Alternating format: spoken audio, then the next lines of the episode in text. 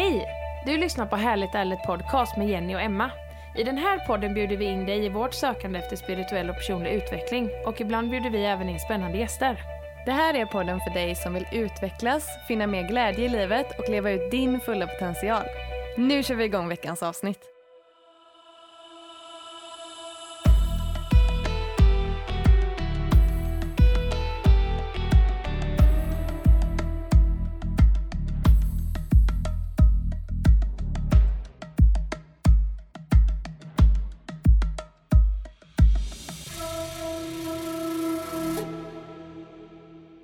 Var det dags för ett nytt avsnitt med Härligt Ärligt och idag har vi med oss en väldigt spännande gäst. Varmt välkommen till Härligt Ärligt Ullis Karlsson! Tack så jättemycket, det känns jättefint att få vara med i Härligt Ärligt. Det känns ju som att kombinationen att saker ska vara härliga och ärliga är superviktiga, speciellt i dagens samhälle och i tid som vi lever i. Ja, visst är det så. Och du hade ju blivit lite tipsad om att eh, höra av dig till oss ett par gånger. Det blev vi väldigt glada för att du gjorde så att vi kunde få till detta. Ja men det är jättekul. Först så dök ni upp i mitt flöde några gånger. Eh, och jag, jag, visste inte om er heller, så ni dök upp i mitt flöde. Och sen så var det faktiskt tre stycken inom loppet av en vecka som sa att ah, men ni borde höra av, du borde höra av dig till Härligt Ärligt. Och så gjorde jag det och eh, ja, här är vi nu i samtal, vad sa ni, 107? Ja, ja precis. precis. Ja. Och nu när du visade bokomslaget på din bok så minns jag faktiskt att vi också har blivit tipsade om att, ja, om att vi ska höra av oss till dig. Ja, precis. Ja, Nej, men vi, var, kul. vi såg din ja. bok när vi var på Studio Bliss i Varberg nämligen eh, och pratade med hon som jobbar där. Ja. Så det, det var ju verkligen menat det här att vi skulle få till detta Ullis. Ja, men det är ju verkligen synkroniserat. Universum har fixat det bra. Ja, verkligen. men till våra lyssnare som eh, kanske inte har eh, lika stor koll som vi har på vem du är. eh, vem är Ullis Karlsson? Ja, men den frågan. Den, den lilla existentiella ja. frågan. man håller på utforskar hela livet liksom. Jag tror att jag just nu är en jättestor transformation också. Eh, att jag är på väg att bli en ännu mer uppdaterad version av mig själv och vem jag är. Men det jag gör och det jag jobbar med är mycket att jag, eh, jag skriver internationella böcker, jag jobbar som yogaterapeut och eh, healer och eh, jag jobbar helt enkelt med att väcka människors högre medvetenhet, att vi ska liksom få en högre medvetenhet och leva mer från hjärtat. Sen har jag olika tekniker att göra det med. med. Yoga är en, kvantfysik en, healing en annan, mina böcker en tredje och, sätt, och så vidare och så vidare. Så att jag är här.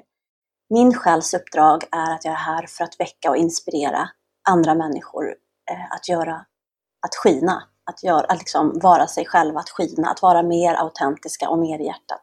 Mm. Gud vad fint! Jättefint! Och vi, eh, och du nämnde ju lite eller innan vi går in på det, vi är så nyfikna på dina böcker, men innan vi går in på det så eh, har vi förstått att din resa har ju inte varit helt lätt heller. Eh, du har en bakgrund av utbrändhet och depression vad vi har förstått. Hur har din läkningsresa sett ut? Ja, tack. Det är en jättebra fråga. Det är ju, jag tänker att det är också en kontinuerlig ett, ett kontinuerligt resande för att vi är hela tiden i en liksom, evolution, i hela tiden i att vi ska utvecklas och bli den mest uppdaterade versionen av oss själva. Men min resa har varit ganska lång och ganska jobbig måste jag säga.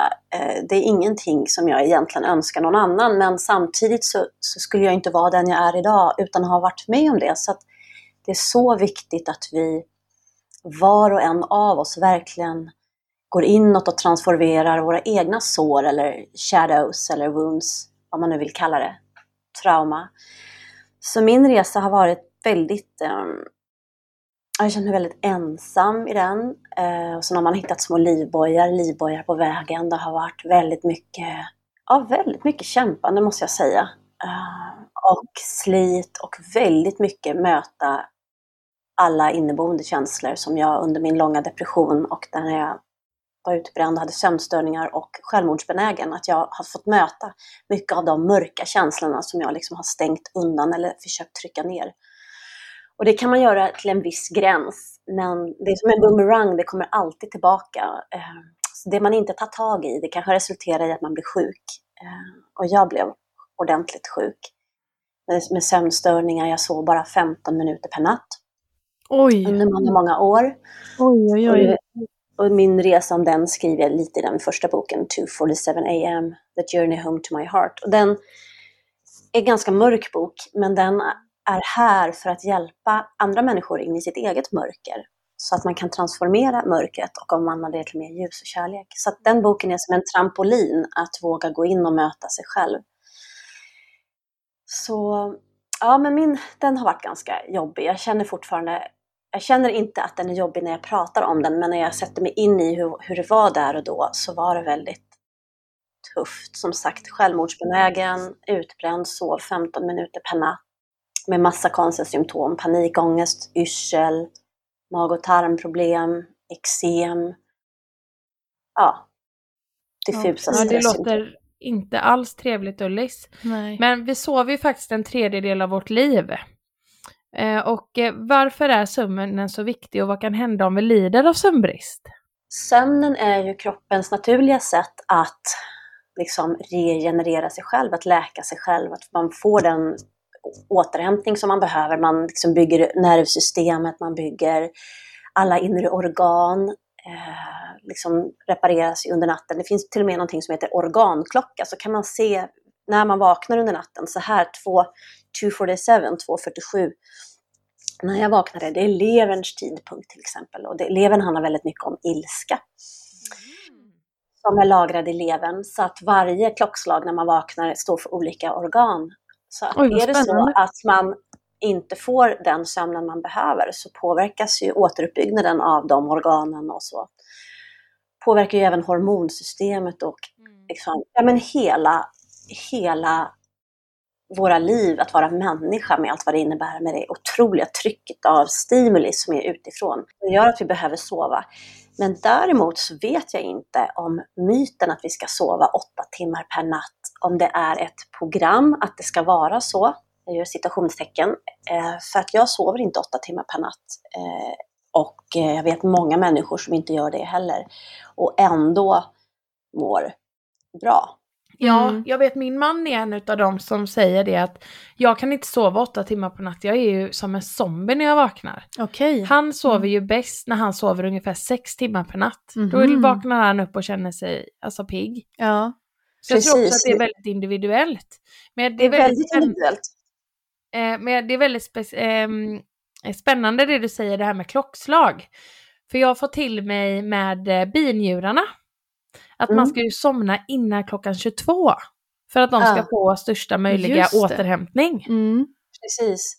Och det korrelerar med det ayurvediska tankesättet. Yoga och ayurveda går liksom hand i hand. För sen när man går över efter klockan 22, då går man in i någonting som kallas för vata-fas. Då blir man liksom speedad och man går igång och man får tankar och idéer och så. så men sen beror det också på vad man är för kroppstyp. Eh, många som är vata, pitta eller kaffa och så är det olika kombinationer av dem. Så att, eh, vissa är ju nattugglor och andra är mer morgonmänniska. Jag är absolut mer en morgonmänniska. Jag är helt slut. Jag går alltid och lägger mig innan klockan 22, oavsett om det är nyårsafton, eller midsommarafton, eller lördag eller tisdag. Jag går alltid och lägger mig innan, för att då vet jag att där har jag i alla fall några timmars eh, sömn som är bra för mig. Mm, just det. Har du någon grej som, som du känner hjälpte dig extra mycket eller som, ja sådär, under, eh, vi kan ta just med sömnen. Har du något tips om, om man har sömnproblem?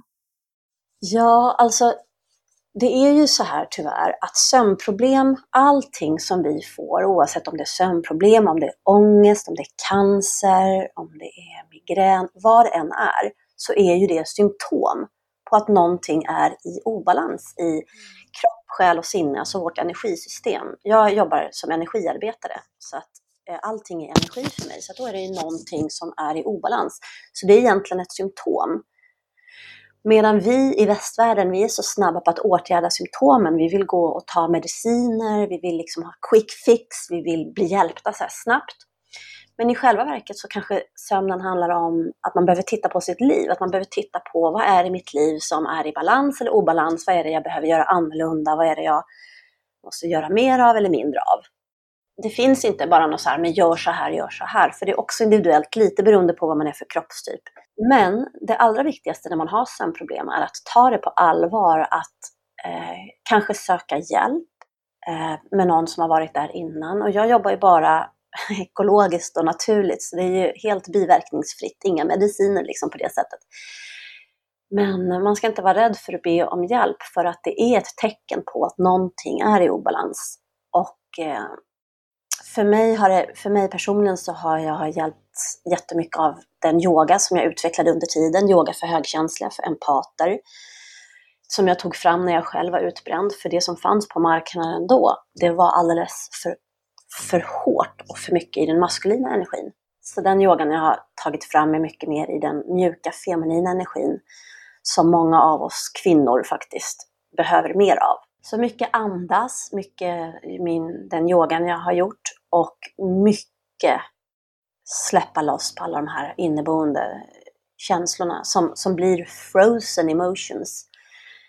Emotion alltså betyder energy in motion, energi i rörelse. Så det är meningen att våra känslor ska röra sig fritt. När vi är glada, när vi är arga, när vi är kåta, vad det än är, att det ska röra sig fritt i kroppen. Men det gör det inte hos oss i västvärlden. Och vi i Sverige, vi har blivit inlärda att vi, vi får inte visa för mycket känslor, vi får inte vara för mycket, vi ska vara så lagom hela tiden. Och det innebär att de här frozen emotions ligger där och kan skapa ohälsa, till exempel med sömn, cancer etc. etc. Så ett viktigt sätt eh, som svar på din fråga är andas, alltså en lugn och mjuk yogaform, holistisk disciplin och trauma eller shadow work, alltså att man bearbetar sitt, sitt inre helt enkelt. Det, det är de mest snabbaste inom citationstecknen som går att göra. Och om det är akut så kanske man behöver ha sömntabletter och så också under en period, så det behöver man inte heller liksom vara rädd för att ta. Det finns ju ändå preparat som är ganska snälla. Mm. Precis. Men eh, du var inne lite på yogan här.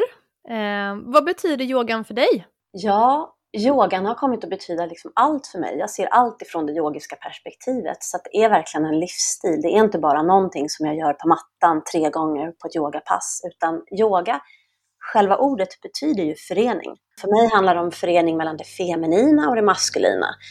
Det handlar om förening mellan eh, mitt inre ljus, mitt inre mörker. Eh, det handlar om en förening mellan mig och dig i det här samtalet som vi har nu. Det här är yoga för mig när vi är närvarande, vi är här.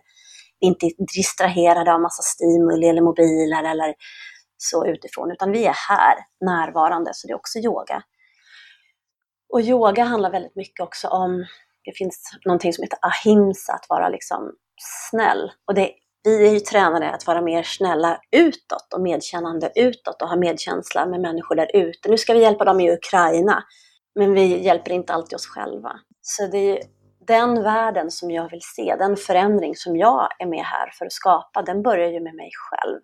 Jag kan inte vara här ute i den yttre världen och skapa förändringar eh, om jag inte jobbar med mig själv. Nej, nej. det är så sant. Verkligen. Den energin som jag vill bygga, the new earth, alltså the golden age, som vi är på väg in i, det här stora paradigmskiftet som sker nu globalt med olika manifestationer i det ganska omogna, omogna maskulina energin skulle jag beskriva det. Mm. Så, så är vi på väg in i en, en högre medvetenhetsnivå, som att vi ska byta tidslinje. Och där är det så himla viktigt att man... Jag kan inte göra någonting, alltså alla mina böcker, allt arbete skulle vara helt utan substans om jag inte var med i hjärtat och i det jag skriver själv, i det jag gör. Så allt arbete börjar verkligen med sig själv. Så det går inte att bara hjälpa dem i Ukraina och sen så gör man en bypass, en spiritual bypass och passerar förbi sig själv eller utan det är verkligen att man behöver jobba på att yoga då, alltså förenas, ja. med, förenas med den man är, sina goda sidor, sina mindre goda sidor. Um, så yoga är en livsstil för mig helt enkelt som svar på din fråga. Det blir så, det blir, det är så mycket ja. att säga varje fråga. Så ni får avbryta mig om jag pratar för mycket för att uh, det här är ju min passion. Ja, och det märks Ulrika och det är så himla vackert. Du beskriver det så himla fint och så himla Alltså, man, man tar till sig det du säger på ett väldigt eh, fint och enkelt sätt. Mm. Det går verkligen in. Mm. Mm, vad bra. Tack för det.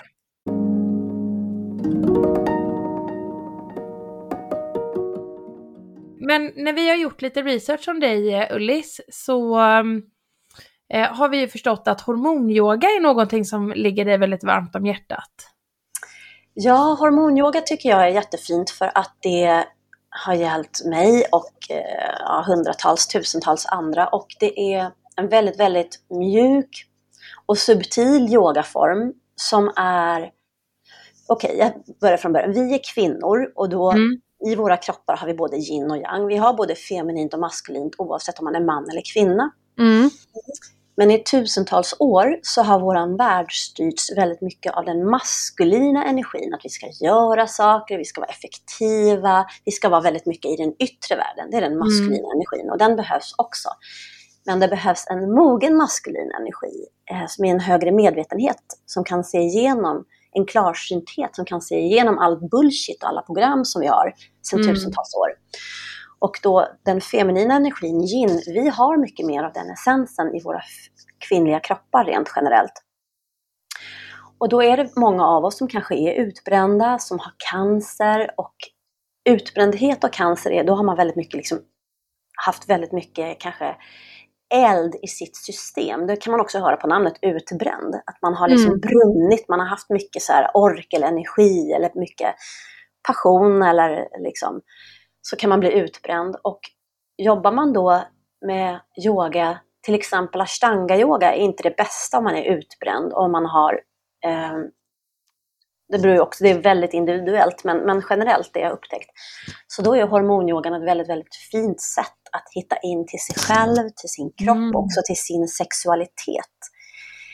Eh, den är väldigt mjuk, väldigt subtil, men ändå otroligt potential i sin, i sin litenhet, i sin subtilitet.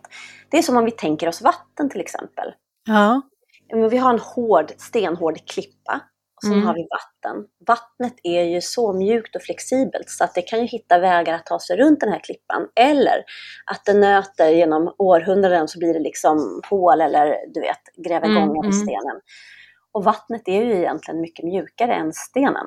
Men ändå så kan den påverka och göra, skapa fantastisk liksom, energi och flöde, för det är det vattnet handlar om. Precis. Fint sätt att, ja. att se på det. Väldigt fint sätt. Ja. Vi har ju förstått att eh, du har en stark koppling till vatten. Jag har en jättestark koppling till vatten, precis. Eh, så i den, eh, det är min tredje bok, men den andra internationella, den heter då Holy Fuck and Sacred Water, The Secret mm. Connections to Everything. Det var ju den ni såg i, i Varberg. Ja, precis. Kan du inte berätta lite om den boken? Vad, vad handlar den om och vad, vad fick dig att skriva den? Så vi är två som har skrivit den och den boken, eh, det började med att vi var med i en annan bok som hette Famna feminint ledarskap. Jag okay. och den här författarinnan. Eh, och sen så på ett möte där som spelas in så säger jag nästa bok som vi skriver måste handla om sacred sexuality.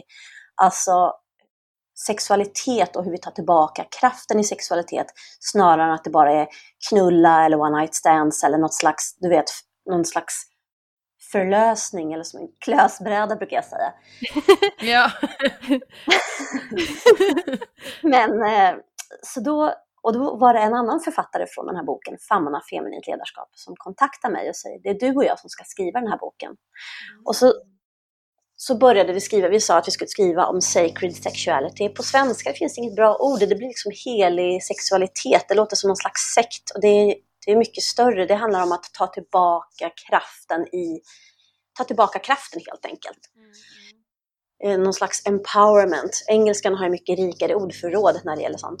Ja, verkligen. Men, så då började vi skriva om sacred sexuality och hur viktigt det är för både män och kvinnor att hitta tillbaka till sacred sexuality för att vi skadar oss själva, våra energisystem, våra själar när vi har sex, när hjärtat inte är med. Men sen växte boken och den blev, jag får så här rysningar nu när jag pratar också, att den blev som en universell sanning. Som en av de universella sanningarna som vi alla vet, men vi har glömt. För vi består av mer än 70% av vatten och vattnet minns. vatten finns i vårt, vår, våra cellminnen, vårt DNA. Så i våra celler, i vårt DNA, så har vi med oss alla tidigare generationers kunskap, samlade erfarenhet. Ehm, och i den boken som jag skriver nu, som handlar om den gudomliga själen och själens perspektiv på det som sker nu globalt. Så om man följer tillbaka lång väg så har vi också varit fri energi. Vi har varit gudar och gudinnor. Vi är, om vi är skapade av Gud så har vi också den skapelsekraften inom oss. Vi är skapare. Ja, vi är enorma skapare. Så allt det här, alla, alla kunskaper ligger samlade i vårt vatten, i våra celler. Men vi är så förorenade i vårt vatten. Eh, polluted, förorenade med tanke på hur vi lever våra liv idag, att det är så mycket stress. Mm. Vi är distraherade med mobiler, vi är distraherade med massa saker som pågår i det yttre. Det är corona och det är nu det är krig. Så vi är så distraherade, så vi har inte tillgång till all den här visdomen. Och ibland så kan det vara så att källan är lite grumlig, att man måste rensa i källan innan det kommer klart liksom, vatten helt enkelt. Ja. Mm. Så den boken är, är också här för att hjälpa människor in i en högre medvetenhet. Den handlar om att, att vi ska komma ihåg vilka vi är eh, egentligen på djupet och att det börjar med återigen oss själva och vikten av att rena vårt inre vatten. Så min relation med vatten är väldigt, eh, väldigt speciell. Jag har väldigt mycket tillgång till mitt vatten. Vatten handlar ju om kreativitet, om känslor, det handlar om de här flödena, det handlar om flöden i relation med mig själv, med andra, med pengar. Ja, flöden i livet helt enkelt. Precis. Vet du någonting om, eh, vi, det finns ju fyra olika element. Vet du något, vi vet vilket element som är styrande hos dig? Jag har väldigt mycket vatten och väldigt mycket eld. Ja. Så jag mm. har både vatten och eld och det kan låta som en polaritet, men, men det är det inte. Och så kan man hitta yin, alltså den feminina essensen, både i vatten mm. och i eld och i jord och luft och även den maskulina. Det finns allting. Universum är uppbyggt av de här polariteterna. Just det. Precis, så vi, och vi innehåller samma material som finns i universum. Samma material som är av stjärnorna innehåller liksom vi. Ja, och det är så mindblowing ja, det är när man verkligen. tänker på det. ja, vi är liksom stardust. Ja. ja. Vad mm. fint. Jättefint. Men du mm. släpper ju även en ny bok nu i juni. Eh, och Precis. den handlar om själen. Och mm. Eh, perspektiv lite på det som sker globalt just nu. Precis. Berätta lite om boken och sen även ge lite så här, ja men en liten input på vad är det egentligen som sker globalt just nu? Ja, ah, gud, det här är så spännande. Vi ja, det tycker vi med. Hela episoder om det här, för att det här är... Okej, okay. eh, jag som yogi, jag, i yogiska skrifter, och man tittar också på naturfolk, till exempel Maya, ni vet Maya-kalendern som sa att 2012 så skulle världen börja förändras. Och det är precis så det är. 2012 så har vi gått in i det som kallas för Vattumannens tidsålder, som är ett jättestort paradigmskifte. Och där vi Gud, jag, jag, är så exalterad så jag sitter och skakar härifrån. Nej, men... eh, vi, från början så har vi en mycket, mycket högre medvetenhet, en högre energi. Vi, vi är från den femte dimensionen och ovanför. Våra själar, jag gör själsläsningar, så kallade karma clearings. Så våra själar befinner oss från den femte dimensionen till den tionde dimensionen och ovanför. Om ni tänker er som en chokladkaka med tio lager, eller en, ja. en tårta med tio lager. Våra kroppar befinner sig i den tredje dimensionen. 3D, det är här vi är, det är Matrix, som är Matrix-filmerna. Mm. Våra tankar kanske är i den fjärde dimensionen och själen är från den femte dimensionen och över. Så från början, när vi kom ner som Stardust, så var vi i en högre medvetenhet och levde vi i sanning med våra själar som var den femte dimensionen och över. Men sen Sen har vi människor genom tusentals år förlorat mycket av den högre medvetenheten. För det var saker som eh, greed, girighet, manipulation, mind control, massa saker som, som några få började göra och sen blev det fler och fler. Och till sist så föll vi i medvetenhet. Vår medvetenhet sjönk. Så att vi är i 3D. Vi tror att vi har de här kropparna. Kroppen är också bara energi, snabb energi som rör sig hela, hela tiden. Mm att det vi ser är också bara en illusion. Vi tror att det är fast, stabilt, solitt, men det är det inte, utan allting är bara energi i rörelse och pendling. Så den här tiden som vi är inne i nu, jag visste till exempel innan coronan skulle ske, så visste jag att någonting var på gång. Jag visste, jag kände att någonting var på gång. Jag hade en känsla av att det var jordens undergång, att det var apokalyps. Och jag pratade om det här med många och de sa att nej men det där är nog bara dina egna gamla spöken eller du vet trauma. Men så jag kände det i hela mitt system. Och så visste jag att det som kommer att ske är det som jag har läst om i de yogiska skrifterna, är det som jag, jag har studerat yoga och holistiska discipliner i över 28 år. Mm. Okej. Okay.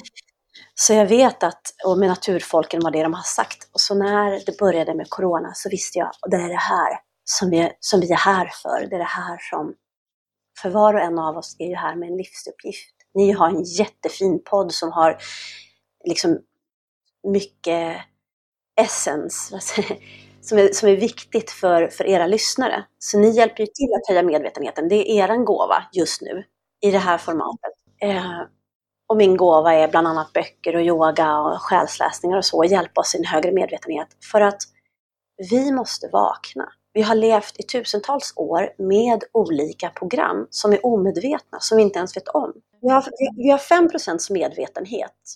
Det innebär att vi har 95% omedvetenhet och det är de som är gömda, som jag pratar om i boken Holy fucking Sacred Water, i våra celler, i vårt DNA. Så den här tiden som vi är i just nu är superviktig för vår själs evolution, att vi ska gå tillbaka till de vi är, till de vi alltid har varit. Vi ska gå tillbaka till eh, vi ska gå tillbaka till de vi är och befria oss från alla de här programmeringarna som vi har tillåtit andra att göra med oss. Kyrkan, olika institutioner, politik etc. Så, så vi har massa program som vi inte ens vet om. Och det, de ska vi frigöra oss ifrån så att vi blir de. Man kan säga att den här boken som kommer nu i juni är en, är en förlängning eller en fördjupning av Holy Fuck. Och att det som sker nu också i Ukraina, det är, man kan säga att det är en fas i också vårt uppstigande, att vi ska se att allting kanske inte är som det verkar. Allting kanske inte är det som vi hör i media. Det kanske Nej. finns, allting kommer liksom i polariteter myntet har ju olika sidor, men så länge vi fokuserar på en grad i en vinkel, då missar man ju de andra 359 graderna. Ja, det där är så sant. Mm. Och därför så behöver vi, vi behöver vakna. Vi som människor behöver vakna, för vi lever på ett sätt som inte är hållbart för varken oss själva eller naturen. Och under coronan har alla pratat om så här, åh, nu ska vi ta de här sprutorna så allting återgår till det normala.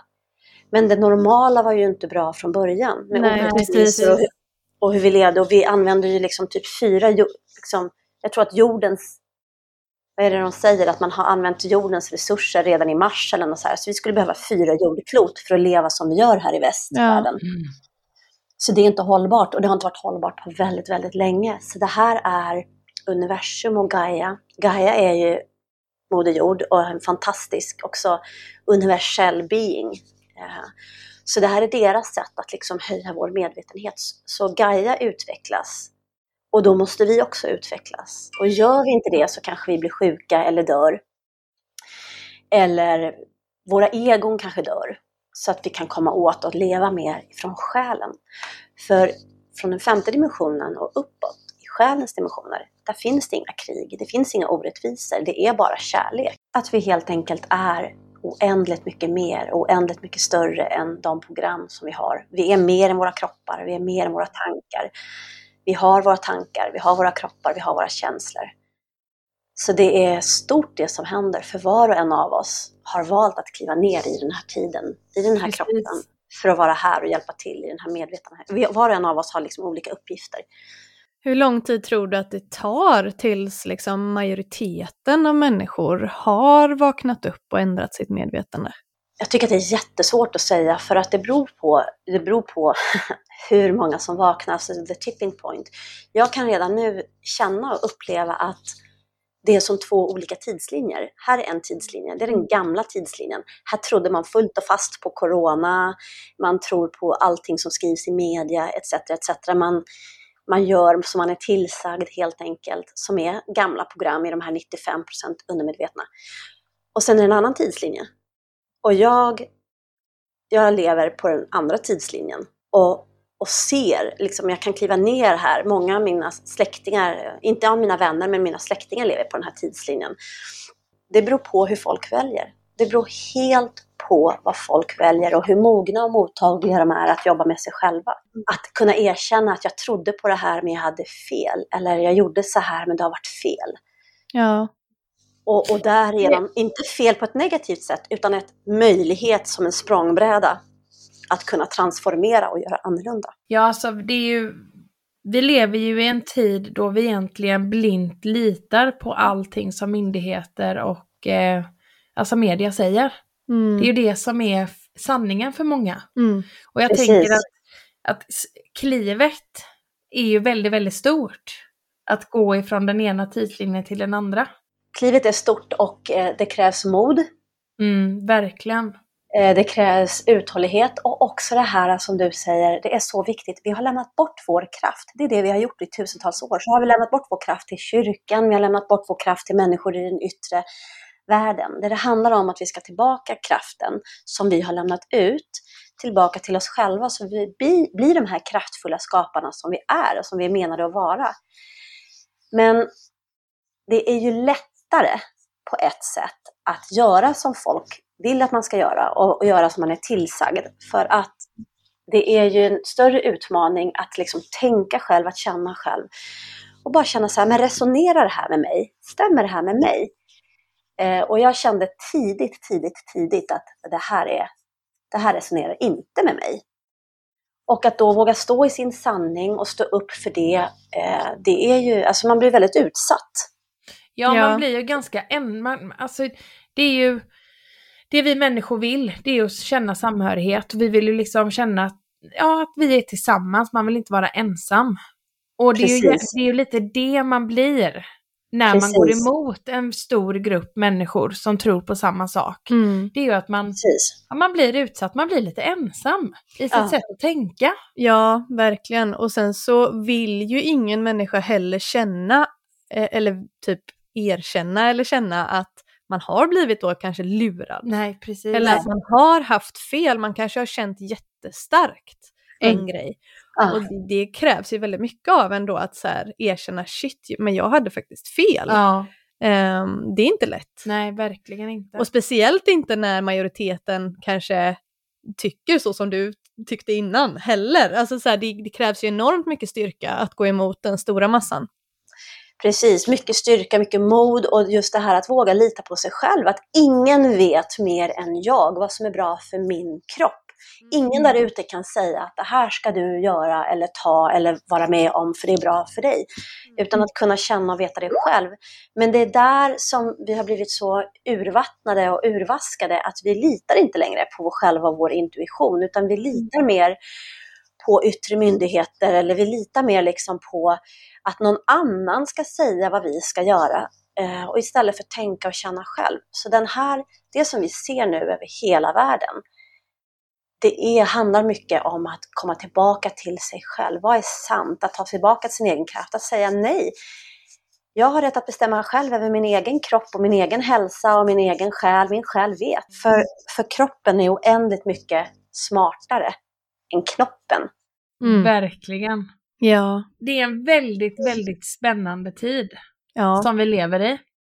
Verkligen. Eh, och skrämmande. Och, och, och, skrämmande också, för jag har tänkt så här att, nej men vi har ju ändå levt, liksom när, när datan kom, när mobiltelefonerna kom, ja. nej men så här att när, när bilarna, hur de ser ut idag, nej men det har ju hänt så himla himla mycket mm. från det att vi är barn till nu, mm. tänker 50 år tillbaka, det har hänt extremt ja. mycket. Och då har jag gått i någon sån här liten bubbla att, nej men det var det som hände under min livstid, för mer än så kan väl inte hända. Nej. Men så inser jag nu att jo, mm. jag tror att liksom hela mänskligheten kommer liksom göra ett helt skifte under min livstid. Jag mm. tror verkligen det. Mm. Ja, vi ska igenom ett nålsöga individ, individ, individplan och på kollektivt. Och vill man inte, för man har ett val, vi, vi har alltid ett val, och vill man inte det, då blir man kvar i Matrix, alltså apropå de här mm. filmerna Matrix. Det är precis så som det är, att vi, vi är program liksom. Och det är nu när du säger det Matrix, det är så många som säger så här, bara Matrix, det här är Matrix. Men jag har aldrig sett Matrix-filmerna. Har du gjort det Jenny? Ja, för länge, länge sedan. Ja, jag har inte gjort det. Jag ska nog ta och göra det. Ja. Gör det. Få en liten reality-check. Ja, det speglar väldigt mycket om det som har varit och hänt och det som fortfarande är och där vi är mitt i. Och eh, det jag skriver om i mina böcker också, hur vi, hur vi är i Matrix och hur det handlar om att kliva ut ur Matrix och att bli den fantastiska skapande individen som, som vi är. Liksom. Ja, det, här det är, är stora tider och det, ja, det är väldigt spännande och det är på så många olika plan. Så många olika plan. Och det här handlar alltså om att våga kliva utanför sin comfort zone. För ingen utveckling vet vi ju sker i comfort zonen, utan all utveckling sker ju utanför comfort zonen. Och att våga se, att våga titta, att som vi har sagt, att våga erkänna att fasiken, jag trodde så här och det visade sig vara fel. Tänk om allting som jag har pluggat eller läst eller gjort har varit fel fram till nu och våga titta på det. Och, det är väldigt smärtsamt. Man får möta väldigt mycket smärta och väldigt mycket, eller alla kanske inte behöver göra det, men jag har fått göra det. Möta väldigt mycket smärta, möta väldigt mycket liksom, tvivel, möta väldigt mycket, mycket av allting egentligen för att se att det här är sant för mig. Och det jag säger här, det är ju, det är ju min sanning. Det behöver nödvändigtvis inte vara någon annan sanning, men det är det här som jag har utforskat under mer än 28 år och i min egen resa och kommit fram till. Och klivit ut ur den ena tidslinjen för att kunna vara i den, i den andra. Och vi är, vi är många, vi är väldigt många över hela världen som, som ser igenom det som sker. Ljusarbetare, rainbow child, vad man vill kalla sig liksom Eh, men saker sker. Och inom kvantfysiken, eh, som jag också jobbar med, kvantfysiken och yogan är väldigt närbesläktade i min värld. Eh, att allting handlar om energi och hur vi alla sitter ihop. Och det är därför, om jag är polluted, om jag är förorenad med jättemycket program och limited beliefs och liksom narrativ, så är det den energin som jag skickar ut i det kollektiva. Ja. Om jag däremot är mer i hjärtat, jag är mer öppen och mottaglig och tänker okej, okay, här är en vinkling på det hela. Vad händer i de andra 359 graderna? Då är det den energin som jag skickar ut i det kollektiva. Så därför är det också superviktigt att vad är det för någonting som jag vill skicka ut? Vad är det för någonting som jag, som jag vill bidra med? Vill jag bidra med rädsla? Eller vill jag bidra med någonting annat? Och finns det någonting annat än rädsla? För vi är även det här, jag vet, jag har två tonåringar och många av deras vänner har till exempel tagit sprutorna. Eh, och för då har de, de har ju velat vara med i samhället och man vill kunna resa och sådär. Så titta, om man går tillbaka, men varför har du tagit dem? Jag vill, jag vill resa. Okej, okay, så någonstans har det funnits en omedveten rädsla att inte få resa. Som har gjort att man har tagit, är ni med?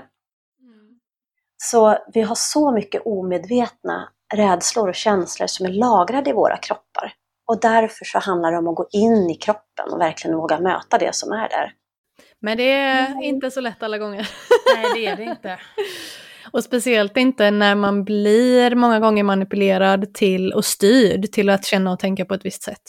Absolut. Det, det är ju just det som mycket av eh, ja, hur man har talat om liksom, restriktioner och, och sådär har ju byggt väldigt mycket på eh, rädsla.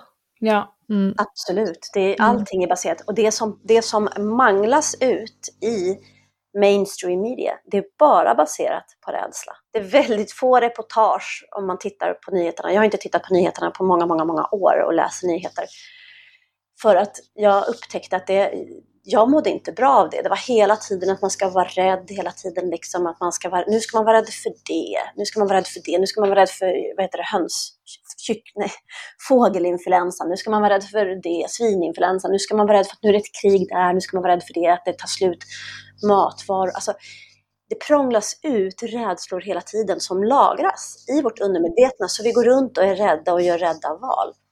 Plus att under den här tiden så har vi sett otroligt mycket separation som har gått ända in i familjelinjer med för eller emot. Och för mig handlar det inte om för eller emot, utan för mig handlar det om att kunna se det högre eller det djupare perspektivet.